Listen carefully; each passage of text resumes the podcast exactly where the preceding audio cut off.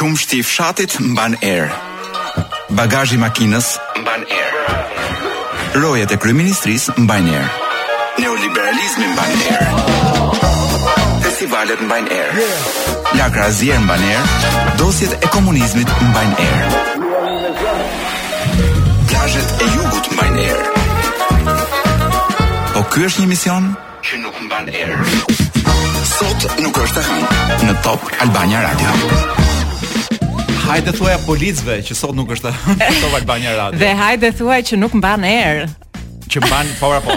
Unë më duhet të them që kalova përmes një turlie aromash, meqenëse siç mund ta Blendi hyra në stadium, se sa stadiumi është i rrethuar. Unë nxora portofolin, Jo, nuk dhash lek. Shpërndave, shpërndave autograf. Nuk dhash lek se s'kisha, se po të kisha mbase dhe mund të kisha dhën, po demonstrova së pari një flet hyrje, pastaj një kartë identiteti, pastaj nuk i thash jam unë, se ishte edhe pak errësirë, domethënë duhet kuptonin, a isha unë ajo e kartës identitetit edhe që thoni ju miq, gjithë stadiumi i Air Albania-s është i rrethuar. Unë mendova në fillim Kolo se revolucioni erdhi. Erdhi. Un kurse un mendova thash mos po bëjnë gratë socialiste festën e 7 ma, 7 dhe 8 marsit. Se ashtu bëjnë... tu duken këta çunat 20 vjeçar. jo, sepse vetëm gratë socialiste mund të ruhen me me policia, me shumë ah, polici okay. domethënë. Pra vetëm gëzimi i tyre duhet mbrojtur nga njerëzit që nuk janë shumë të gëzuar në këtë vend. Un pash tufa burrash nga larg, thash ç'po ndodh. këta njerëz po gratë socialiste të mërzitur pra. gjithmonë të mendoj për festën e për tetë marsin e gratë socialiste jo ishin tifozët e Partizanit ah qënka një ndeshje e rëndësishme po është duhet të jetë derbi i Tiranës besoj Unë tentova të penetroja meqense për njerëzit që ndoshta nuk e dinë zyrat e studiot e radios gjenden brenda stadiumit brenda këtij me me atë penisin e gjatë domethënë. Ë dhe për të hyrë në në rast ndeshjesh na duhet të bëjmë një kalvar shumë të madh. Po. Më propozuan të hyja nga parkimi. Ëh, thashë nga oxhaku, nga ai penisi gjatë. Dhe kish të qenë shumë e bukur. do vish ndryshe. Ke parasysh kur thua kësaj radhe do vi ndryshe? Po dhe emisionin do jo, bënim bashkë me Kastro Islamin që ta hedh edhe nga sipër don. Pra të desantonim në radio. Dhe meqenëse s'kisha asnjë dokument me vete, derisa fatmirësisht erdhe ti me mm. dokumentacionin e duhur, uh -huh. unë rrija dhe shikoja gjithë njerëzit e tjerë për mua fare të parrezikshëm, për shembull hyri dikush që ishte me një pateric.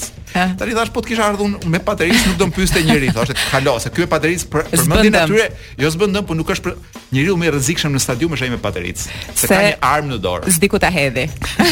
jo, ka. Kurse mua më ndodhi ndryshe. Ju drejtova dikujt Si fillim, a jo tha, të lutem, po, bukur karta e identitetit, po duhet shkosh ke polici tha sepse un jam thjesht roja i hotelit. Shkova te te polici e dëgjoj gjithë hallin tim nga fillimi. Jo tha, të lutem, duhet shkosh ke shefi dhe më bëri me dorë. Un nisa për të shkuar ke shefi, më ndali një polic tjetër. I thash jeni shefi? Jo tha, po si e ke hallin? Jo i thash dua të flas me shefin. Po jo tha ç'ke se ta them mua si e ke hallin. Arrita ke shefi, un arrita më thjesht ke shefi. Nuk arrita dot ke shefi sepse u tregua bujar zotria edhe pasi më kontrolloi patjetër. Unë gjeta, unë identifikova njeriu më me bark. te rreshti i policëve. Uh -huh. E thash, ky do jetë i rëndësishëm. Po. Sepse barku tregon kohën që ka në dispozicion njeriu për të ngrënë. E qartë. Për t'u shtruar nëpër gostira. Gjeta njeriun me bark dhe rastisi ishte shefi. Po ti s'kishe dokumentacionin. I cili, i cili nuk arrinte dot të bënte lidhje ndërmjet Top Albania Radios. Po. Emisionit dhe ditës dhe ndeshjes. Pra nuk dhe u desh shumë kohë që shefi të mund të procesonte këto tre informacione të thjeshta, po ja ku jemi. Ja ku jemi për t'ia për t'ia shpërthyer me një këngë më të fundit nga Metallica. Gjyshër janë, stërgjyshër janë bërë, po këtë zhurmën e kanë shumë të mirë. Dhe ja ku jemi për ta shtuar radhën e gjërave që mbajnë erë në vendin tonë. ose për ata që janë me zemër të dobët për të rritur nivelin e ankthit në gjakun tuaj, sepse do të flasim për lajmet e javës që kaloi. Ç'ke psonitur aty? Ç'javë, ç'javë që ishte. Hë. Se mua e për... para divorci i kryeministrit me I kujt divorc? Kujt ç'të? Kush ora? Me Endri Fugën. Ah, po jo. Një martesë që unë mendoja që ishte nga ato që domethënë vetëm vdekja do i ndante. Se kështu e ke parë ti? Kështu e kam parë. Si, si divorc. Si divorc edhe si mundësi i vdes. Do në kuptimin që po të po dikush larg qoftë i bënte një atentat kryeministrit, unë e shoh e imagjinoj si film. Po pse vetëm se... që do hidhej për të marrë plumbin në vend të kryeministrit. Vetëm se tha që nuk do të jetë më në krye të ministrisë së propagandës. Po nuk e di se çfarë pune mund bëj mund bënte Fuga në këtë në këtë qeveri përveç se Jo, përveç se të, të manipulonte, ku di un me imazhin e kryeministrit, të manipulonte publikun, të, të bënte këtë spin doktorin që i thon, pra të shpikte lajme, të sajonte lajme, të modifikonte lajme, të sulmonte këtë e andej, domethënë, përveç kësaj nuk e di çfarë pune mund të bëj. Ndoshta mund të lozi bilardo, dhe mase del dhe i mirë në bilardo. Un tani kam vetëm një merak përpara se të kalojmë tek lajmi, dua vetëm të jo, çaj hallin e Ky ishte lajmi divorci. Ata kishte një lajm me bilardo. Tash kam merakun çfarë pune do të bëjë Fuga tani. Do shkruaj kujtimet e vet. po, është pak i ri. kujtimet e veta tipit si krijova një monster, por se gjithmonë në tilla raste njeriu mendon që i ka bërë gjitha vet. Pra, unë e krijova, unë e bëra. Ë ose do shkoj të tërhiqet në një ishull të vetmuar dhe të jetoj ku di unë lakuriq me me. Kuptoj. me do të mbetet për ta zbuluar. Ë, uh, ç'do më thuash tjetër? Nga revolucioni kemi ndonjë informacion ndonjë lajm. Kemi një të vogël që nuk është dhe aq e mirë. Hë. Që vulën vulën nuk ja dhanë. Letrën. Pra, letrën nuk ja dhanë. Letrën ja dhanë Alibeajt dhe unë nuk e di se çfarë mendoi Alibeaj po me jo, jo, letrën sepse. Po jo, ku lexon ti këto lajme të kolos sepse i procesi është rikthyer nga e para. Po mirë, kjo është një lloj don. Rikthimi i procesit, rikthimi i procesit do thotë që vula le, le, letrën e mban, letrën e mban Alibeaj derisa pas disa vjetësh, si më thotë të mbarojë procesi. Okej. Okay. Ndërkohë që për zgjedhjet kur na duhej vula, sepse ti di që PD-ja do dilnin gjithë me vulë në ballë, domethënë pa pa për të bërë fushatë. E di po. Tash s'e kanë atë vulën. Do ta them pastaj se cila është përgjigja e kryeministrit për këtë gjë. Po pastaj. Për vulën, mirë, ma mbaj. Ë, kryeministri që është i vetmi lajm bashkë me don, Luizi dhe kryeministri janë dy gjërat e vetme që ndodhin në këtë vend. Edhe uh, Sabiani tani. Na qenka A do flasim për Sabianin? Po, po do flasë Elona mbas nesh. Oh, Mirë, atë nuk po flas. Desha të thoja don, ishte një kështu thotë don. Uh, një nga ato gjëra që njeriu flet dhe anglisht se mua mua më tregojnë çfarë pra më japin esencën e Big Brother kështu më japin në kafe. Dhe kur ma thanë ç'kish bër Sabiani që ish futur për për të larë nderet ku di unë për të marrë nderin e Nëse të ndalemi çik më vonë atje, të merrem me lajmet se kam ngelur te Peskara. Ëh, nuk do doja të bëja batutë me emrin e, e qytetit, që është Kjo është po pra, kjo pesë pesëshja e famshme. Ku kryeministri është vlerësuar lart në, në Peskara me titullin Urdhri i Minervës. Perse i gjashti. Dhe un ti ishe Okej. Po Minerva e 6 e 5 ë uh -huh. Dhe çfarë parashikon urdhri i Minervës? Jo, unë nuk e di, nuk e kam shumë të qartë hera e parë që hera e parë që dëgjoj për këtë gjë, por unë mendoj që tani kryeministri realisht mund ta lërë postin e tij. Ëh. Uh -huh. sepse gjithmonë mendoj që urdhri i Minervës është më superior se sa titulli kryeministër i Shqipërisë. Ëh. Mm dhe unë besoj që vetë rrugëtimi i kryeministrit këto vite, kryetar bashkie, kryetar, domthonë i Këshillit të Ministrave ishte pikërisht që të arrinte te ky urdhri i Minervës. Dhe besoj që ka kryer misionin e vet Në këtë jetë. Pra mori urdhrin, tash duhet të të, të tërhiqet dhe të shkruajë të shkruajë libra bashkë me time bashkë me Fugën. Mua më ngjan shumë si një komplot i opozitës ky. Megjithatë, un kam një lajm më gjithëpërfshirës. Po. Ë nuk e di sa i gëzu i gëzueshëm është, por uh, mësova që së fundmi vlerësimi i nxënësve ë uh, nota dhe mungesat do të hidhen edhe në e-Albania. E para njëherë të gjithë ata që po, po, që falsifikojnë firmën e prindërve për një raport tashmë i kanë humbur të gjitha shanset dhe e dyta mendoj që tashmë takimi me prindër do të bëhet në Iran pranë Atyre. pra të vëllezërit tanë. Përgjuesve kibernetikë. Të ish vëllezërit tanë, domethënë eksakt. të Iranit, ku unë mendoj që çdo nxënës tashmë mund të marrë firmën e prindit të vet ose ku di unë. Pra çdo justifikim mund shkosh ta marrësh në Iran. Eksakt. Ë kryetari i bashkisë Kukësit. Ha, çka bëri? Nuk e di a ke ndonjë Jo, nuk e njoh. As unë, uh -huh. por po lexoj këtu që ka filluar që për zgjedhjet të lërë takime në Londër. po pse? Ka lënë një takim, nuk e di, unë unë mendoj që në fakt ai kot rri në Kukës ai duhet shkojë të jetojë në Londër që të qeverisë Kukësin e Londrës. Ë uh, Po ku di unë mbase pret po themi mbase do të joshë ku di unë Po themi gjithë ata njerëzit me me lekë të atje andej do t'i joshë që të vijnë dhe të, ku di unë, t'i zbardhin faqet gjatë zgjedhjeve, se nuk nuk e kuptoj se ç'duhet. Tani kë ka takuar, do na thuash? Unë kam unë po lexoj në lajme që po. ky ka lënë takim në Londër për zgjedhje. Ah, okay. Si thonë italianët chi c'è c'è? Chi non c'è? Non c'è. Eurostati shqiptarët qenkan të fundit në Europë për blerjet online. Mm. Po nuk di ç'të them, Ne për blerje, ne për blerje bëjmë namin. Por kemi qejf ndoshta që t'i mbajmë nëpër xhepa, ku di unë t'i fusim nëpër Ka ca politika që nuk na favorizojnë sepse taksat janë shumë të larta për blerjet online, është një rregull që është vendosur, një ligj që është vendosur uh, diku 7-8 vite më parë uh, për të favorizuar ndoshta biznesin vendas, edhe shitjet brenda vendit. Nëse ti ble diçka më të shtrenjtë se 20 e 2 euro, ë uh, duhet paguash mbi 22%, po çka 22% të të vlerës në doganë. Kështu që nëse ble diçka Dhe kjo me... ka bërë që të gjithë të blejnë online, por duke mos blerë online. Jo, jo, të ble, do blesh online por në forma të tjera, për shembull ti blen në Instagram. Po. pra nuk blen më në faqe zyrtare, po blen në forma të tilla ku di unë të vjen pako ja të vjen një njerëz me motorra të tilla. Në Instagram po brenda vendit ama. Nga jashtë nuk ke shanse se Jo ka dhe metoda nga jashtë, por nuk mund t'i them po, jo, sepse nuk mund t'i them se nuk janë të ligjshme. Nuk dua të vijnë këta tatimorët dhe të na sekuestrojnë radion. S'mund t'i them gjithë metodat se si unë po blej çdo gjë që më duhet jashtë online, pa paguar taksa në këtë vend. Tani ka rëndësi që ne jemi në të tretën në Europë për numrin e lartë të kafeneve?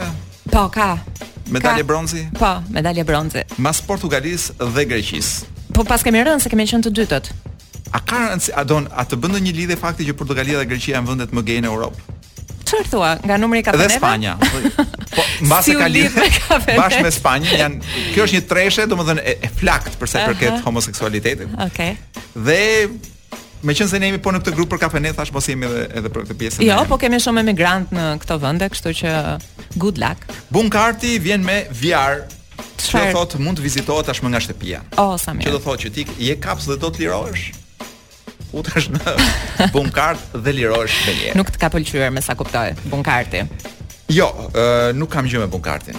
Po e ke me VR-in. Jo, un kam me me e kam me, me politikën, domethënë. Uh -huh. e vendit dhe me ku di un, me mënyrën se si është dhënë me koncesion e ku di un se çfarë po. Këta janë gjëra që nuk na don.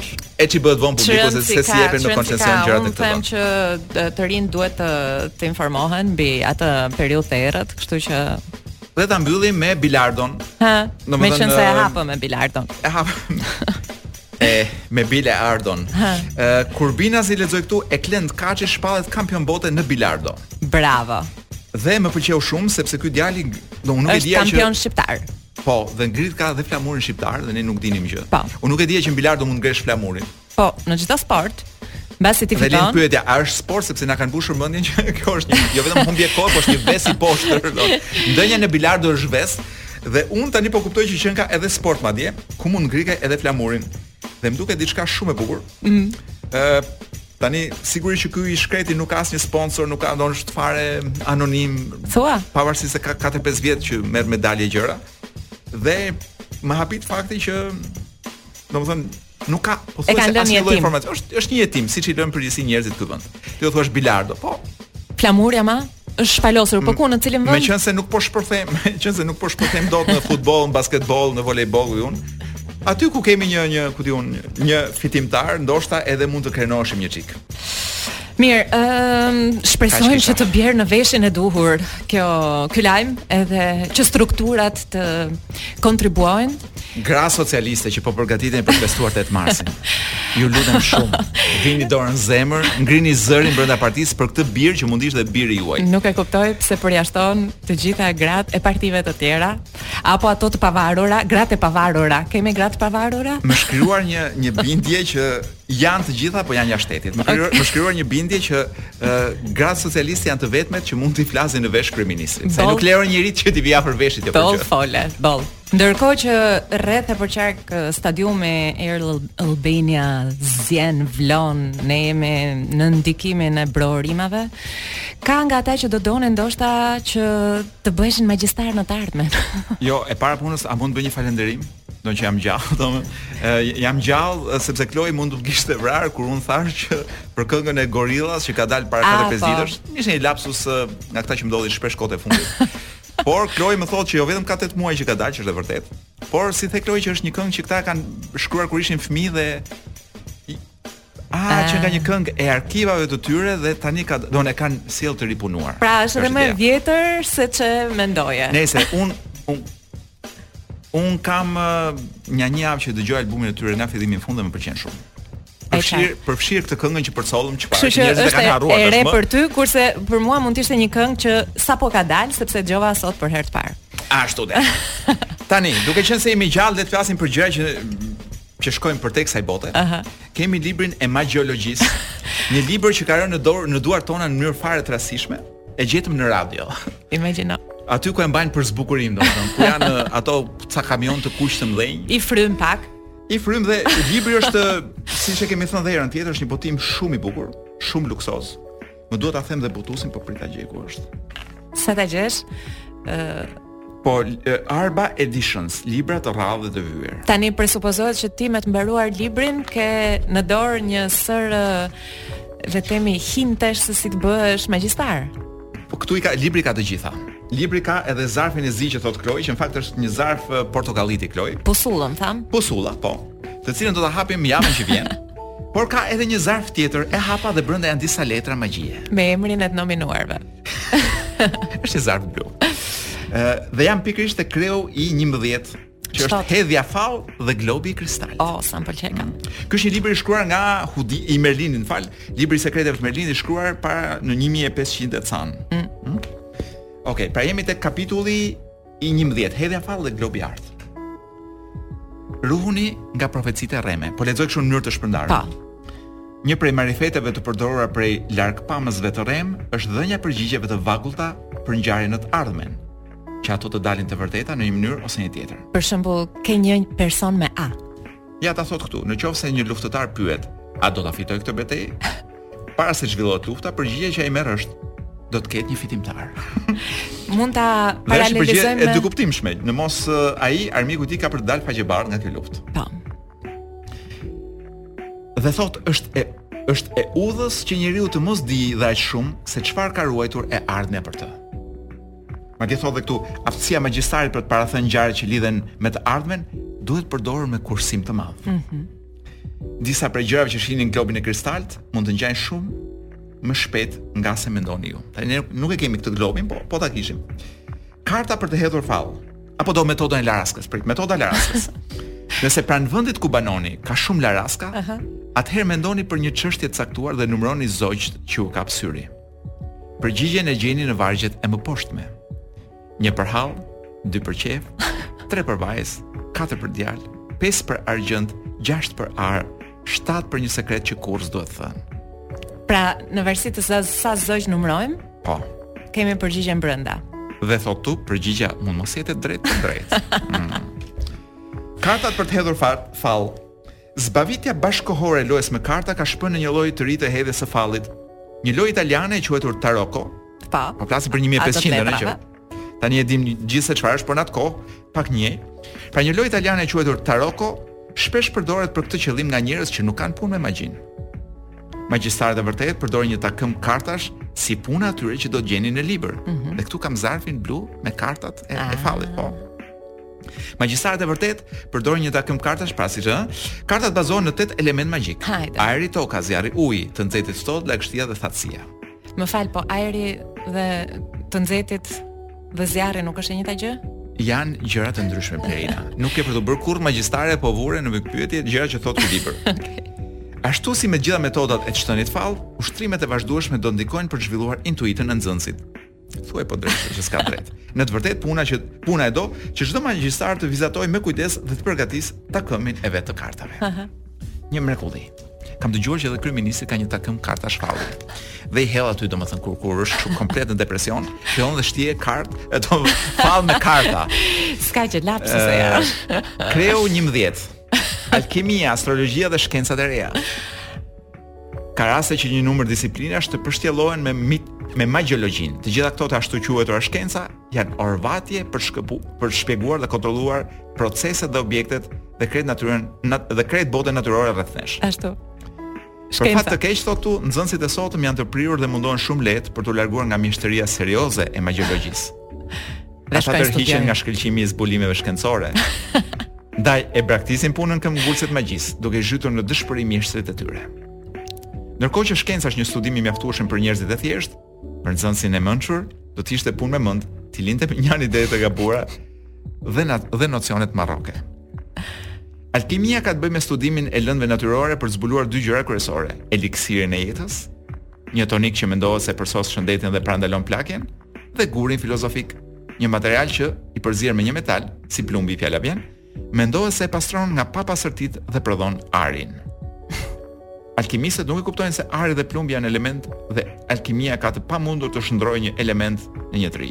Nxënësi do ta mësojë se metodat magjike të shndërrimit të plumbit në ar janë kryekëput një tjetër çështje. Të të lexoj për astrologjinë. apo do të lexoj për fizikën. U, uh, paska diçka për fizikën. Si ke qenë me fizikën? Me siguri e shan. Unë mirë kam qenë, më pëlqente. Po unë kam qenë shumë mirë. Uh, por mësuesi im i fizikës vrau veten. Shpresoj të mos e ketë pasur nga mua. Po kështu, kështu kam dëgjuar.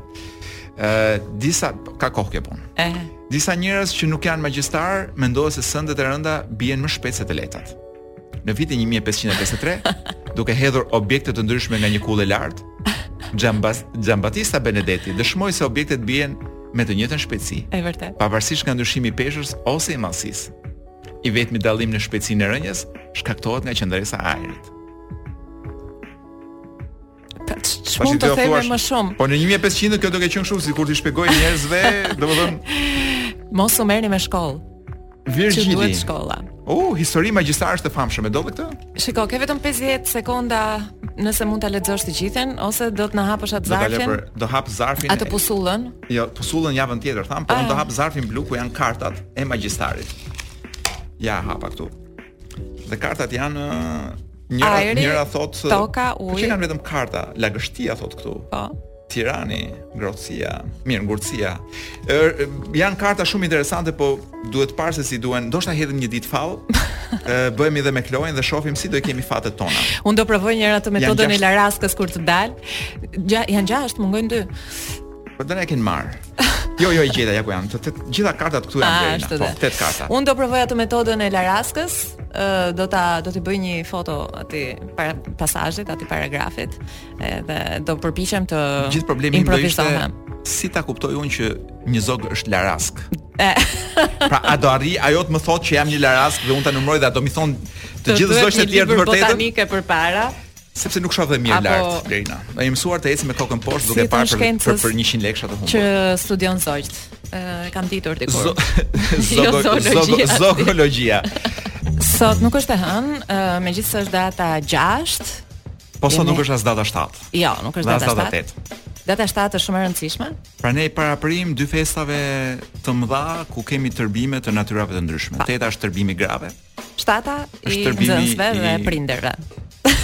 Që duhet ishte tërbimi i mësuesve në fakt, por më shumë shqetësohen nxënësit dhe prindërit për atë festë sa mësuesit. Dhurata ka qenë gjithmonë një problem. Kur do shtijmë lek për zyshën.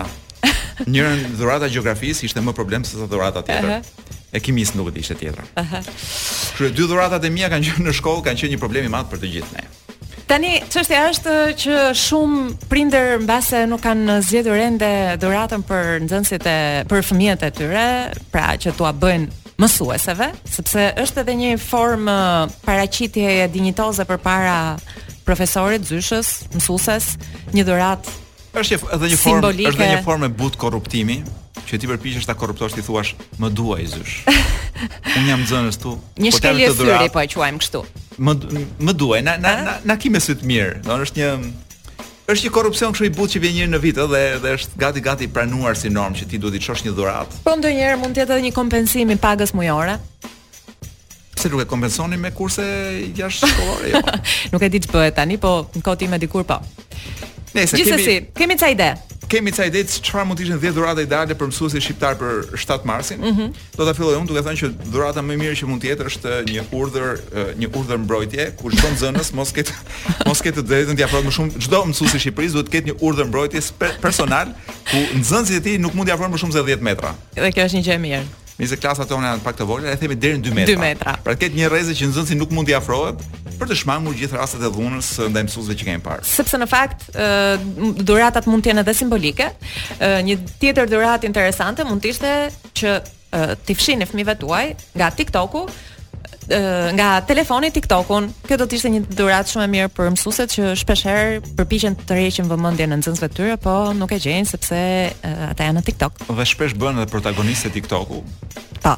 Domethënë nxënësi gjen një mënyrë për të për t'u tallur me me këdo me gjithë botën rrotull tyre dhe për të bullizuar gjithë botën rrotull tyre nëpërmjet TikTokut. Mhm. Mm Ë, por ti mund t'i çosh dhuratë edhe një shishkë me lotët e tua gjatë eh, oh, vitit që shkoi. Mund të shkruash një poezi me gjakun e ministres së arsimit. dhe kjo nuk është thirrje për dhunë, sepse mund të gjendet fare mirë te klinika private ku ajo bën analizat.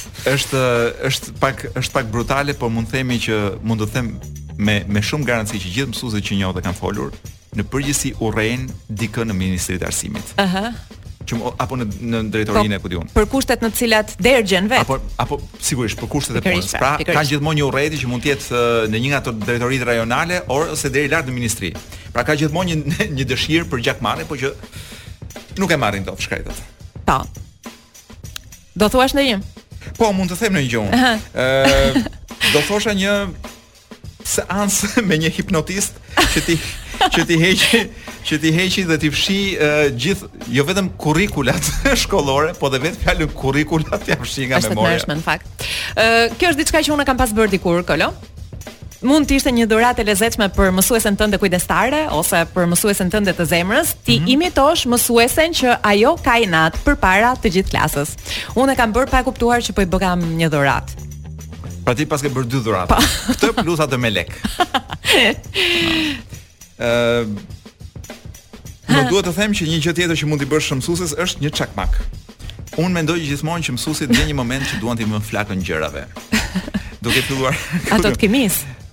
Jo, jo, çdo çdo mësuesi do donte do, si më do donte të digjte urat mbas vetes. Ëh, ah. uh, në këtë profesion të vështirë, unë do të sugjeroja që të digjeshin certifikatat që shpërndan kryeministri në fund vitit. Ëh, uh, mund t'i dhuroni një biletë uh, avioni vetëm vajtje për Maldive, ku tabela e vetme në horizont është ajo ku shkruhet menuja e lokalit. Kjo do të ishte besoj shumë e vlerësuar edhe nga E pasaj po kesh mundësi t'i bësh dhuratë edhe një, ku di unë, një punë part time në Maldive.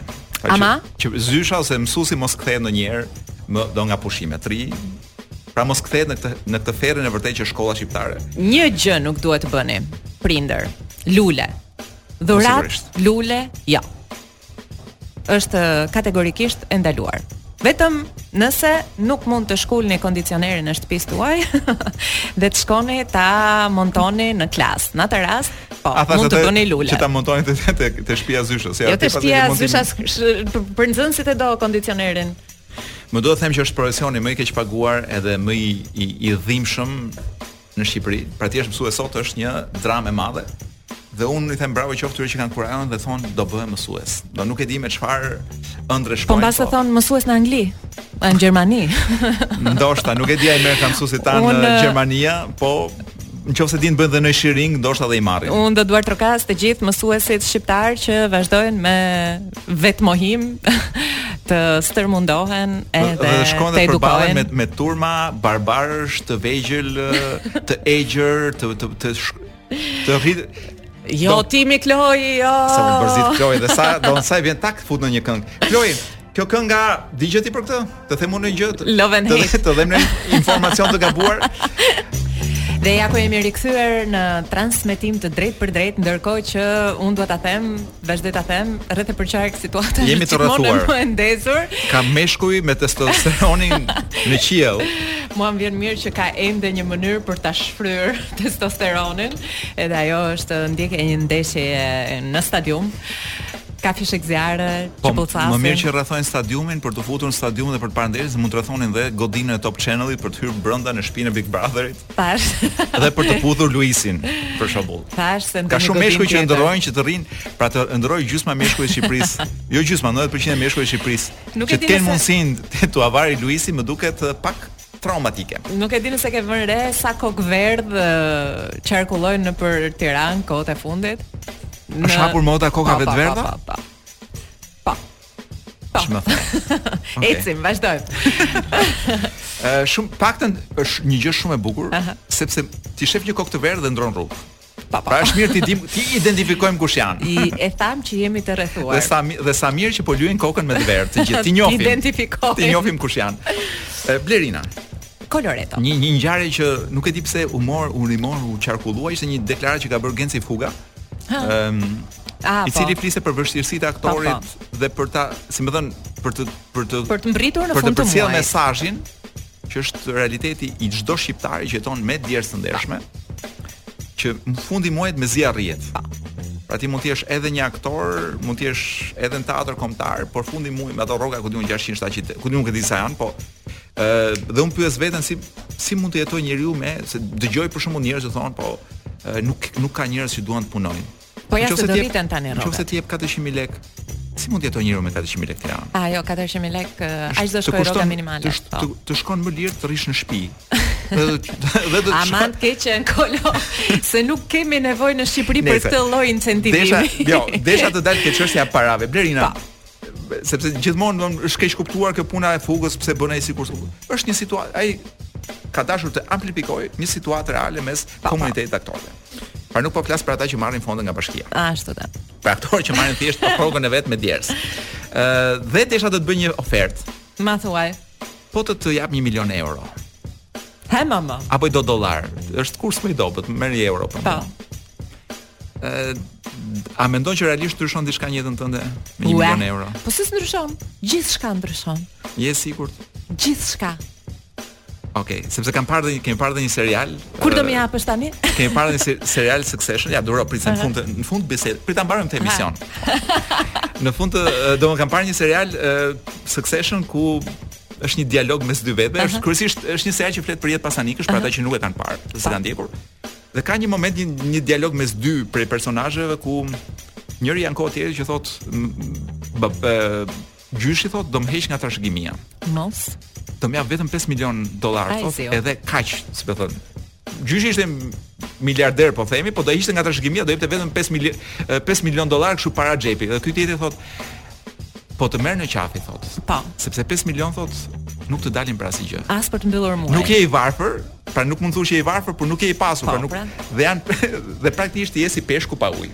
Ashtu de. Tani 1 milion. 1 milion shiot. Po. Kur do më japësh? Je i sigurt që të bën punë? Jashtë mase. Do mbyll vrimat e mia. pra do, edhe edhe të familjes dhe shoqërisë. Po, po. Kush ka vrima le të afrohet. Je i sigurt që me 1 milion euro në xhep ti do ishe në xhep ose në bankë ti do ishe njeri i lumtur pa stres e pa. Pa pa pa. Nuk dua më shumë aq. Atëherë po të jap 10 milionë euro. Hm. Dhe ti me një kusht. Ha. 10 milionë euro do të bënin punë apo jo? Ue. më shumë se sa një. Ue. po me një kusht që ti të mos zgjohesh nesër në mëngjes.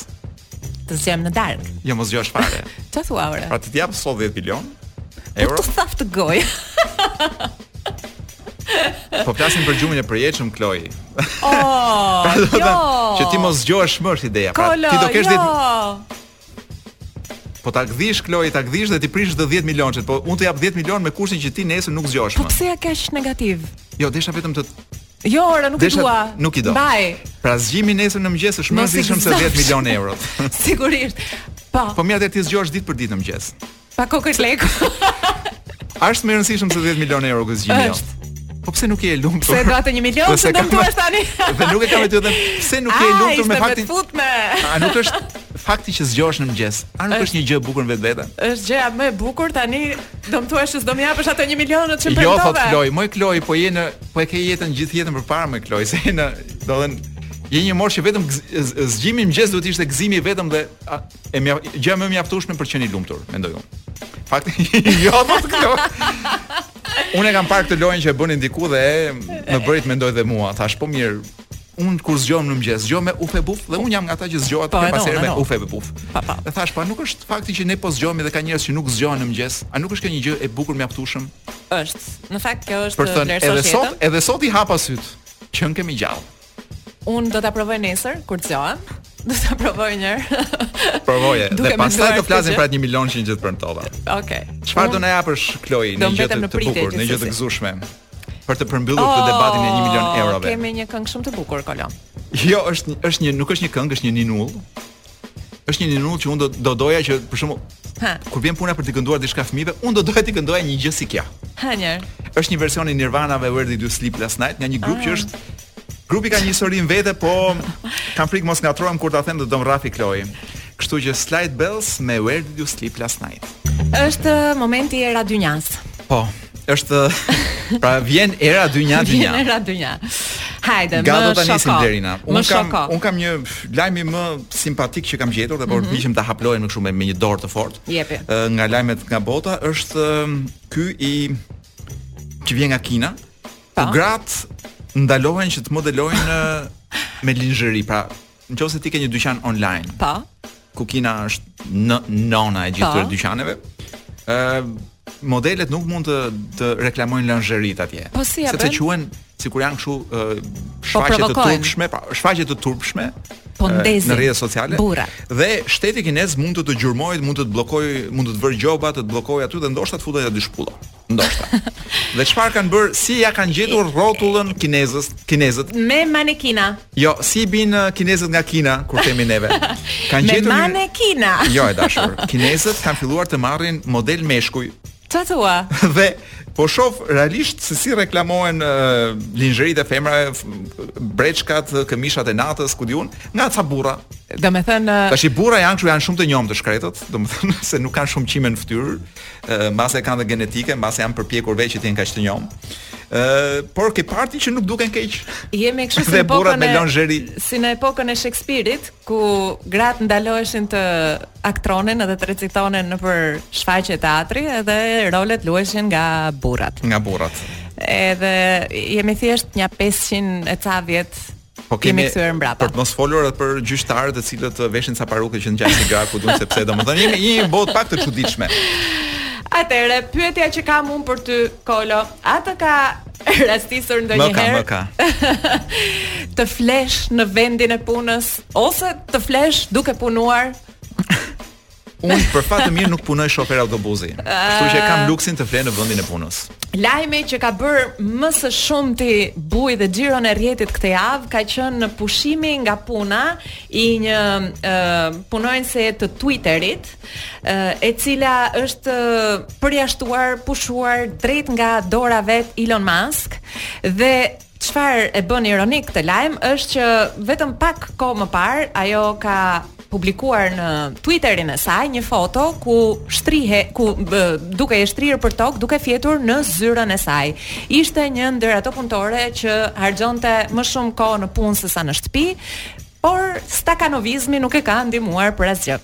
Biles shiti dhe shtëpinë, thjesht që të ishte gjithkohë në punë dhe thua ti e ho, e hoqën nga puna. E ka hequr nga sepse puna. Sepse zuri mbylli sytë më shumë se ç'duhej. Ka bërë Nuk e di, nuk e di arsyen e vërtetë, por uh, Twitter dhe Elon Musk ka bërë një sërë, një numër të madh pushimesh edhe shkurtimesh, edhe nuk e di nëse i bën me laps, këto, por uh, dua të them uh, të gjithë atyre njerëzve që ndoshta harxhojnë më shumë punë më kohë në punë sesa në shtëpi që ja, jo ja gjithmonë si kjo paguan. Po nëse njeriu nuk e deri një moshë të caktuar nëse nuk e ka kuptuar këtë gjë, që sado që ti jep punës jo, do vi një moment që do të që do të të heqin nga puna kështu në mënyrë të përdhunshme dhe me turp. Të të flas për këtë burrin që humbi rrugën në Amazon. Oj mirë. Është ky është një bolivez.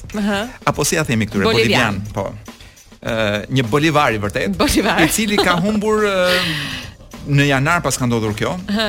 Ishte me një grup shokësh. Po. Ky 30 vjeçar, ë u futën për të bërë xhiro nëpër Amazon, si me thënë, hajt pimë një duhan në mes të Amazonës dhe humbi rrugën mm -hmm. dhe ka ndenjur për uh, 30 ditë mos gaboj ose jo prit ta gjej po shumë ditë. ë uh, Kush e gjeti pastaj? Për shumë shumë ditë, s'po e gjej fiks. Po diçka, po 30 e e 8 ditë. Aha. Uh -huh. 38 ditë ky ka mbijetuar në Amazon vetëm. Me indigjenët, me Jo, vetëm. Egra, fare vetëm. vetëm. Me, me ku di unë ç'ka në Amazon, domethënë me, me gjërat, thuhet që ky pinte urinën e vet. Oh, sa e mirë. Për të për të mbijetuar dhe hante krimba, pra një jetë më shëndetshme se kaq nuk bëhet. Po krimbat kanë uh, proteina. Jo vetëm kanë proteina, po të çlirojnë, domethënë mendje e trup, pra ti nga truri jot i heq të gjitha, pra kur del që andej, një njeri pa kufi më. Tani ai ku ku bëhet? Tani është po, po mar, po tani po shkruan, tani po shkruan librin e vet me kujtime së bashku me Endri Fugën. Ok, le të shtohet këtij grupi, dhe është një Big Brother shumë i bukur, ky grupim që sa po Po përmbledh. Ë uh, mund t'i shtojmë edhe një grua, një ndër gratë më të pasura në botë, e cila pavarësisht uh, se llogarit rreth 5.3 milion euro në llogarinë e saj bankare, ë uh, është aq dorështrënguar, po aq shpirtngushtë, sa sa ushqehet me Krim pa Me ushqim macesh Po mirë që ha vetë Po fton edhe njerëz në shpi dhe I bën sanduiç me Ato Kutitë e maceve Sikur që është shpirtngushtë dhe nuk ka ndonjë krimb në tru Pra nuk ka ndonjë pjesë të trurit që nuk po i balancohet Nuk e di, ajo ka marrë pjesë në një reality show Edhe ka thënë që Quhet Aime Elizabeth Edhe ka thënë që Mirë bëre që na the emrin Po ta takojm rrugës të dimë Mos hamë drekë me të E saj për të kursyer Lahet me ujë të ftohtë, është pak e ftohur, me sa duket. Kjo mund të shpjegojë shumë gjëra. Jo, larja me ujë në me ujë të ftohtë, më mund të jetë një nga format e vetme që ajo të vijë çik në terezi ndoshta, sepse nuk e di. E shoh pak rëndë, por meqenëse jemi në sistem macesh, unë po të flas për çiklistin, për një çiklist, po. ë i cili ka vrarë Nuk e di, do ta them se mos është lajm çik i rëndë. Ha, ja, mos e thuaj. Ëm, kjo kemi një çiklist i cili ka vrarë macen e ministrit të turizmit të San Marinos. Po pse? Po sepse ma, Më fal se duhet të jemi serioz. Se më duhet të them gjithsesi. që macja ishte pak ë, kështu agresive? trazovaçe. E Dhe? trazonte më shumë se sa duhet. Ku? Në kokë. në shtëpinë e vet. E qartë. Dhe ky tha nuk dua ta di macja njeriu që je një mace njeriu me pushtet, po unë na bam bam. Dëgjo, meqenëse jemi te kafshët e dhunshme, kam edhe unë me se të të gjuaj. Do të të gjuaj me një oktapod që siç është zbuluar qenka një qenie e dhunshme. Po ne e kemi parë që te filmi Oktapodi ne kemi mësuar që Oktapodit mos iu afro se ka pistoletën, ka, domethënë ka automatikun. Është bërë një studim i mirëfilltë, më më pëlqejnë shumë këto studimet, Kolo. Është bërë mm. një studim ku është zbuluar që me sa duket Oktapodët dhe peshqit veprojnë në grup. Pra janë bashkë për të shkuar nëpër gjueti ushqimi etj etj. Po ndodh që këta peshqit e vegjël ndonjëherë ë ngatrohen. Harrojnë për çfarë janë nisur edhe habiten, shohin vërdallë dhe oktapodi në të tilla raste çfarë bën? Mbledh një nga tentakulat e veta, jo shpullë, një grusht. Po i rreh. Për motive të dobëta. Oktapodi rreh peshqit, të cilët të cilët Pra oktapodi është po themi politikani është, i cili ekzakt. merr është nisur për vota për votime. Është komandanti. Dhe ka dhe ka dhe gjithë bandat e vogla domethënë të peshqve dhe janë nisur për votime dhe kur njëri del po po tim dhe domsi e 300 vota bam shpulla aty. Ekzakt. Kështu është, kështu mund ta themi me fjalë. Kam pasur gjithmonë një respekt shumë të lartë për oktapodët. Dhe qënja e parë që kam pushuar së ngrëni në botë ka qenë oktapodi. Po ti e di dhe që janë shumë inteligjentë. S'mund të ha një qënje që është po pra po, një qënje që është më inteligjente se tre çereku shqiptarëve. Ah, ashtu de. Si mund ta hamë atë? Njerëzit e s'di a e kemi thënë ndonjëherë këtë Blerina, po unë sa herë që e shoh, domethënë vazhdimisht duket si lajm i ri. Kjo është zbuluar që njerëzit që mendojnë që janë të bukur. Aha. Le të themi të pashëm. Nuk e kemi thënë. Ë, uh, nuk vendosin maskë. Pra njerëzit që luftonin më shumë vënien e maskës, ishin ata që mendonin se janë të bukur. Po. Ndërkohë që njerëzit që kishin probleme me gojën, me erën e gojës etj, etj, mezi pritën sa të vinte ai, ai sistemi i maskave. Dhe ishin njerëzit më të lumtur në botë. Unë mbaj mend që isha shumë e gëzuar se më në fund mund të flisja me vete lir, lirisht duke ecur. Unë një herë Thash gjëra që s'bëja kurrë, për shkak të pështyj në rrugë. Kur vura maskën, thash më në fund një moment që të bëj gjërat pa, pa ja, nuk ishte aq komode. Bukur. Atëherë do edhe një të fundit apo Ma jep edhe një të fundit përpara përpara se të qeras me një përpara se të qeras maman tënde dhe maman time me një këngë mamash. Mos, pse ma përmend pikërisht maman në këtë moment. Se të shfokusoje, nuk nuk të vjen më lajmi. Jo, sepse edhe bëra një paralelizëm me uh, protagonisten e lajmit në vazhdim, e, cil, e cila është një 62 vjeçare dhe që ka vendosur që në jetën e saj të ketë marrëdhënie intime vetëm me djem të rinj 20 vjeçar. Dhe me sa duket edhe i ecën pazari. Do me thënë, ajo nuk e bën për pazar, po. Thjesht më erdhi pak uh, vështirë kur më përmende. Blerina, a shkojmë, a shkojmë gratë në pazar dhe a gjejnë gjithmonë gjënë më të freskët e më të lirë, ku t'jum? Pse jo edhe në pazarin e burrave. E, di. Edhe thonë pastaj që media nuk edukon. Po media të edukon edhe të kështu, të bën, po themi, njeri me, ha, njeri me probleme. E dashur Blerina, a je dakord ti që të bëjmë një gjë që Do do na largojë treçerekun e dëgjuesve. Po por ne por ne do por ne do mbahemi mend e do themi ja shiko ç'kanë bërë dikur në radio. Dhe kur në këto kohëra që po jetojmë në kohërat e Luisit Blerina, në këto kohërat për pak thashë të mrekullueshme, po nuk mund ta teproj as shumë. Jam gati, t'i nënshtrohem çfarëdo lloj fshikullimi. Atëherë, kam në duar të shkarkuar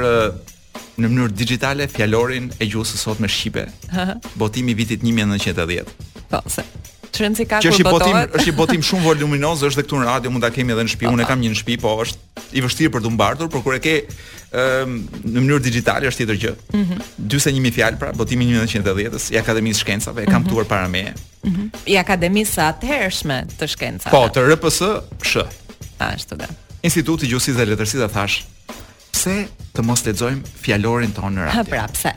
Pak nga pak, shpresojmë të, të, të kemi frymë dhe ta mbarojmë këtë libër të madh me 2600 me ata gjithsej ka dhe numrin e faqeve, është shumë faqe. Ku do ta gjeni durimin ju? Por unë them ta lexojmë faqe për faqe. Hajde. Do kisha do, do kisha dashur të ndalesha ke parathënia, por po e kaloj sepse është çik e vjetruar. Shpjegimet për ndërtimin e fjalorit janë pak të komplikuara. Po po. Kalo direkt. Uh, kemi edhe një listë me emra, ë uh, të atyre që kanë bërë fjalorin dhe do ndalemi në ditën e fundit, pra në faqen pas faqes së fundit të fjalorit do lexojmë dhe kush e ka bërë. Po. Po janë të gjithë zotëri burra. Dhe unë po filloj nga Aja. Okej. Okay. Fjala e parë e fjalorit të gjuhës sotme së sotme shqipe është fjala abazhur. Ah. Ajo e hap fjalorin. Po këtë e dim ç'është. E dim. Është mbulesë prej qelqi, prej metali ose prej një lënde tjetër që shërben për të mbledhur dritën e llambës elektrike në një drejtim për të mbrojtur sytë nga drita e fortë ose për zbukurim. Prandaj nuk quhet llambazhur, por quhet abazhur. Ab dhe, dhe jo ambazhur. Ja të gjejmë një fjalë tjetër, uh, unë gjeta një fjalë tu që më habiti. Mm. ABC ABC është fjalë? Jo, më falni, ABC, ABC është fjalë sepse bëhet fjalë për uh, ABC-ja e shqipes, jo nuk ishte kjo. Ë uh, ishte fjala, kemi fjalën abis që është humnera, pak a shumë është e përshtatur po, po. nga nga, nga gjuhët e tjera. Anglo-saksone. Dhe kemi një fjalë që quhet abordazh. Kur ti mundohesh Unë jam një pirat, ti je një pirat. Kemi anijet tona dhe unë sulmoj anijen tënde. Kjo quhet abordazh. Në qofë se mund të vijë rasti Ja u gjëndëm në det të hapur Me anijet përkatëse Dhe s'dimë si të jabë mos bëjë ironira Sepse ti me një skaf dhe unë me një tjetër Mund të jemi diku dhe të përfundojmë un... Duke sulmuar skafet e njëri-tjetrit Jo sulmuar Unë do të të abordoj ty Ose ti do më abordosh mua. Kemi edhe fjalën abortar, që është uh, ndarja e veçantë e shtëpisë së lind në në shtëpinë e lindjes pra për parandalimin dhe mbikimin e rë. Jo aborri. Jo, nuk jo, jo, nga abortar abor. është një seksion vetëm për abortet. Ka pas ah, që okay, nuk e di a është më, dhe nuk e di nëse e quajnë më abortar apo jo. Tani derisa të ndryshojë fjalori ashtu do ta quajmë. Kemi fjalën abrash. Ku të shkon mendja kur un them abrash? Tek te një, një deputet besoj. Po, kujtim. Nuk e di. Është, është një kujtim që kam unë, domethënë. Abrashi është diçka ose dikush që ka flokë, vetulla, qerpikë të verdhë. Oh, sa e mirë. Të verdhemë, më të bardhë, pra. Pa. Po. Hm? Dhe që ka preka në fytyrë për njerëzit. Që ka njolla të bardha ose qime të zbardha në trup dhe në turi, Flas, flas për deputetët dhe për kuajt. I larmë ose laraman, kalë abrash, vezë abrashe mund të ketë. Dhe sigurisht që ka një njeri abrash. Un kam një shoqe abrashe. Iku abrashi. Ja, pse t'i thoni bjonde kur mund t'i thoni sepse ka një tonalitet pak më të çelët se se bjondja abrashi. Abrashja. Më pëlqen një fjalë, e kam tu dhe abrashen po. Po. Që është pikël, abrashe. Mhm. pra ndryshe nga abrashi. Abrashe është një pikël e murrme e zezë në fytyrë. Ja. Që themi preka ne, po. Ajo quhet një abrashe. Oh, tani na u komplikua gjëja. Kemi edhe fik abrash, abrash. Po, pra. Po. Ë, uh, çfarë kemi tjetër? Kemi një fjalë uh, absidë që më duket si e dalë uh, nga përdorimi, që është pjesa e dalë në murin e prapmë të një kishe që ka trajtën e një gjysmërrethi ose të një shumëkëndëshi. Është arkitekturore. Quhet dhe kungore. Përveç se quhet edhe absid. Mm, ka bukur. Bukur shumë. Ndër vers uh, fjalën absolut absolutisht gjithë ato absolutizëm i dim, por një fjalë që nuk e përdorim është absolutësia.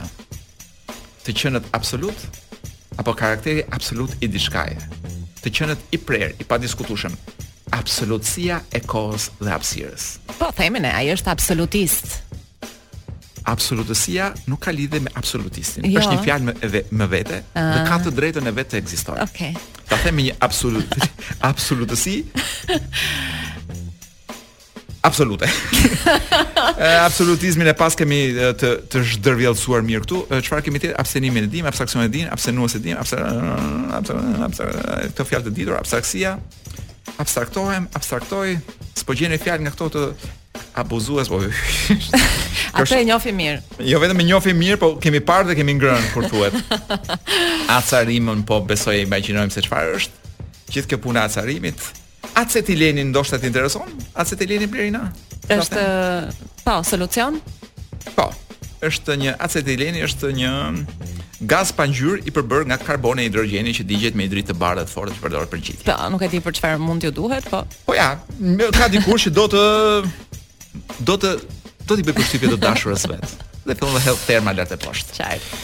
Uh, unë mendoj ta mbyllim këtu fjalorin sepse do kemi gjithë jetën përpara Blerina derisa ta mbarojmë. Jemi tek po të kujtoj që jemi Edhe sepse unë e harrova Te gërma A. E harrova çfarë do të thotë abazhur, me kaq shumë sa jetove. jemi po të them tek faqja 20, gërma A. okay. Mirë, kaq di të them. Mirë. Tani pak muzikë, Kloi. Do na ndihmosh pak me një këngë që i shkon alfabetit. Po një këngë që është është mainstream, po unë e kam zgjedhur sepse ku di unë më pëlqen, edhe pse është shumë mainstream. I pëlqen shumë dhe Blerinës. Po, nuk e di cila është, po jam e sigurt se do më pëlqejë. Pa të ta shoh. Është Flowers nga oh, Miley Cyrus. Po, sigurisht që më pëlqen, patjetër. Ndërkohë që është njerëzit mund të jenë në jetën e tyre duke bërë një jetë të thjeshtë, duke bërë gjëra rutinë, ne këtu jemi Unë jam me gjak të ngrirë, unë kuptova që s'paskam qenë asnjëherë në stadium. Po jo. Ti kuptova që s'paske qenë asnjëherë në një tërmet për vërtetë, sepse gjëja që po na ndodh këtu në studiot e radios që gjenden brenda uh, stadiumit të ri, që ka zënë vendin e, e stadiumit Qemal Stafa, është Pra që radio gjendet këtu në të njëjtë dhe ne po bëjmë një emision në të njëjtën kohë që po zhvillohet një ndeshje dramatike mes Partizanit dhe Tiranës, është minuta 43 dhe Partizani ka shënuar gol. Prandaj, muret u dridhën. Po shkuleshin vendet. Muret u dridhën. Filluan të binin ambazhurët nga lart. Me Filluan të dalin gjarpri nga toka. Nëse do ta përdornim si energji për të ndriçuar këtë të këtij stadiumi, po, do të na mjaftonte për një një javë mbulonim nevojën e Shqipërisë me me, me energji. Pra gjithë atë zhurmë dhe gjithë atë përplasje duarsh e këmbësh. Nuk e di domethënë. Mund të kishim ngrohur Shqipërinë pothuajse gjithë dimrin. Nëse, nëse, e i rikthehemi ritmit normal dhe entuziazmit të vakës. Të kthehemi tek citati, citati i i javës që kaloi, në fakt citati i sotëm. Eksakt, sepse pritëm e shihnim në në dritë të syrit edhe si i thon asaj në dorë në gojë atë të madhin të gjatin. Hë se do ta thot tani e hë se do ta thot pastaj se e lëshon çdo javë nga po, një. Po, prit e prit edhe Edhe sot uh, i madhi Enzori ka thënë një frazë shumë të bukur që mua më pëlqeu shumë sepse ka shumë nga ata që mendojnë që ndoshta zgjedhjet do t'i kemi moniste, monoteiste, si i thon, pra një palshe. Po. Jo, monoteiste i shkonte se është një një perëndie vetme. Po edhe moniste i shkon po ta mendosh. pra shumë njerëz janë disi të trembur që mund të mos kenë mundësi për të bërë zgjedhjen e tyre në zgjedhje. Edhe gjatë uh, një takimi dy palësh që ka pasur sot kryeministri ynë me atë të uh, Sued Suedis, të Danimarkës. Të Danimarkës homologen në fakt daneze. Ë uh, dikush nga gazetarët që nuk guxon zakonisht homolog nuk do të thotë homoseksual, të sqarojmë publikun që homolog duhet të thotë. Tenton të ngatërrohet. Ë uh, më pëlqeu shumë që Përfitojnë gazetarët tanë t'i bëjnë këto pyetje në sy të të huajve. Se s'kanë kurajo t'i bëjnë kur janë vetëm për veten. Jo, mendoj që është e kundërta. Mendoj që për t'i treguar të huajve që ne këtu jemi të lirë dhe mund të bëjmë pyetje moderne, pyetje të guximshme, pyetje që të vënë në siklet. Ç'kanë bërë more Ramën, e kanë turpuar prapë me pyetjet e tyre? E dikush ka guxuar pra në këtë sens të ta pyesë se çfarë do të ndodhë me zgjedhjet Shiko, këtu duket edhe ndjehet mungesa e dorës së Endri Fugës. Unë mendoj që është e kundërta, po. Sepse je, ja... sepse pyetjet vinin nga Fuga më parë. Tani ky i riu apo kjo e reja, nuk e di kush është, ndoshta s'ka arritur të kuptojë mirë se kush duhet t'i bëjë pyetjet dhe si duhet t'i bëjë. E rëndësishme është përgjigja në këtë mhm. rast. Mm -hmm. Pyetjet mund të jenë si të duash, përgjigja thotë: Mua nuk më rezulton që do ketë ndonjë parti që nuk do hyjë në zgjedhje. Më rezulton e kundërta. Të gjithë do hyjnë dhe do hyjnë si çeço. Pra kryeministri ka dhënë garanci botës që këtu çeçot, këtu do jenë të gjithë çeçot në ditën e votimit. Të gjithë çeçot do jenë në vendin e vet. Tani un nga njëra anë para se të lexoja lajmin u gëzova se thash paktën do kemi mundësi zgjedhje. Pastaj mendova një vend ku kryeministri vendos kush do kush do hyjë në zgjedhje dhe jo. Sa të lirë jemi? Ku të të përmendet çeçua. Kurse un pata vetëm kuriozitet për çeçon. Po, po. Dhe un do të ta shpjegoj. Çeço i referohet kryeministri. Se un mbaj mend një Makbule Çeço në ekzil tashmë e shkreta sepse jo. nuk e di, do të thotë se si ja mbyllën gjitha dyert. Nuk mendoj që e ka fjalën për atë Çeço. Ah, ka Çeço të tjerë. Se nuk para për, nuk para thret në në mbiemër kryeministri, thret në emër zakonisht. Po u bëmë kureshtarë të dy edhe e, kërkuam në një fjalorth Mm -hmm. i cili e shpjegon Çeçon si emër me cilin të vegjlit thrasin babën ose vëllain e madh. Ua ua ua ua ç'më the. Edhe meqenëse pas pak pas nesh do të vijë Elona për të folur për Big Brother Radio, un mendoj që mund ta pagëzojmë si Big Çeço. Big Çeço. Big Çeço, ë? Më pëlqen shumë. Blerina do të të do të të qeras me Molotov. Ua, është grup, është një grup meksikan.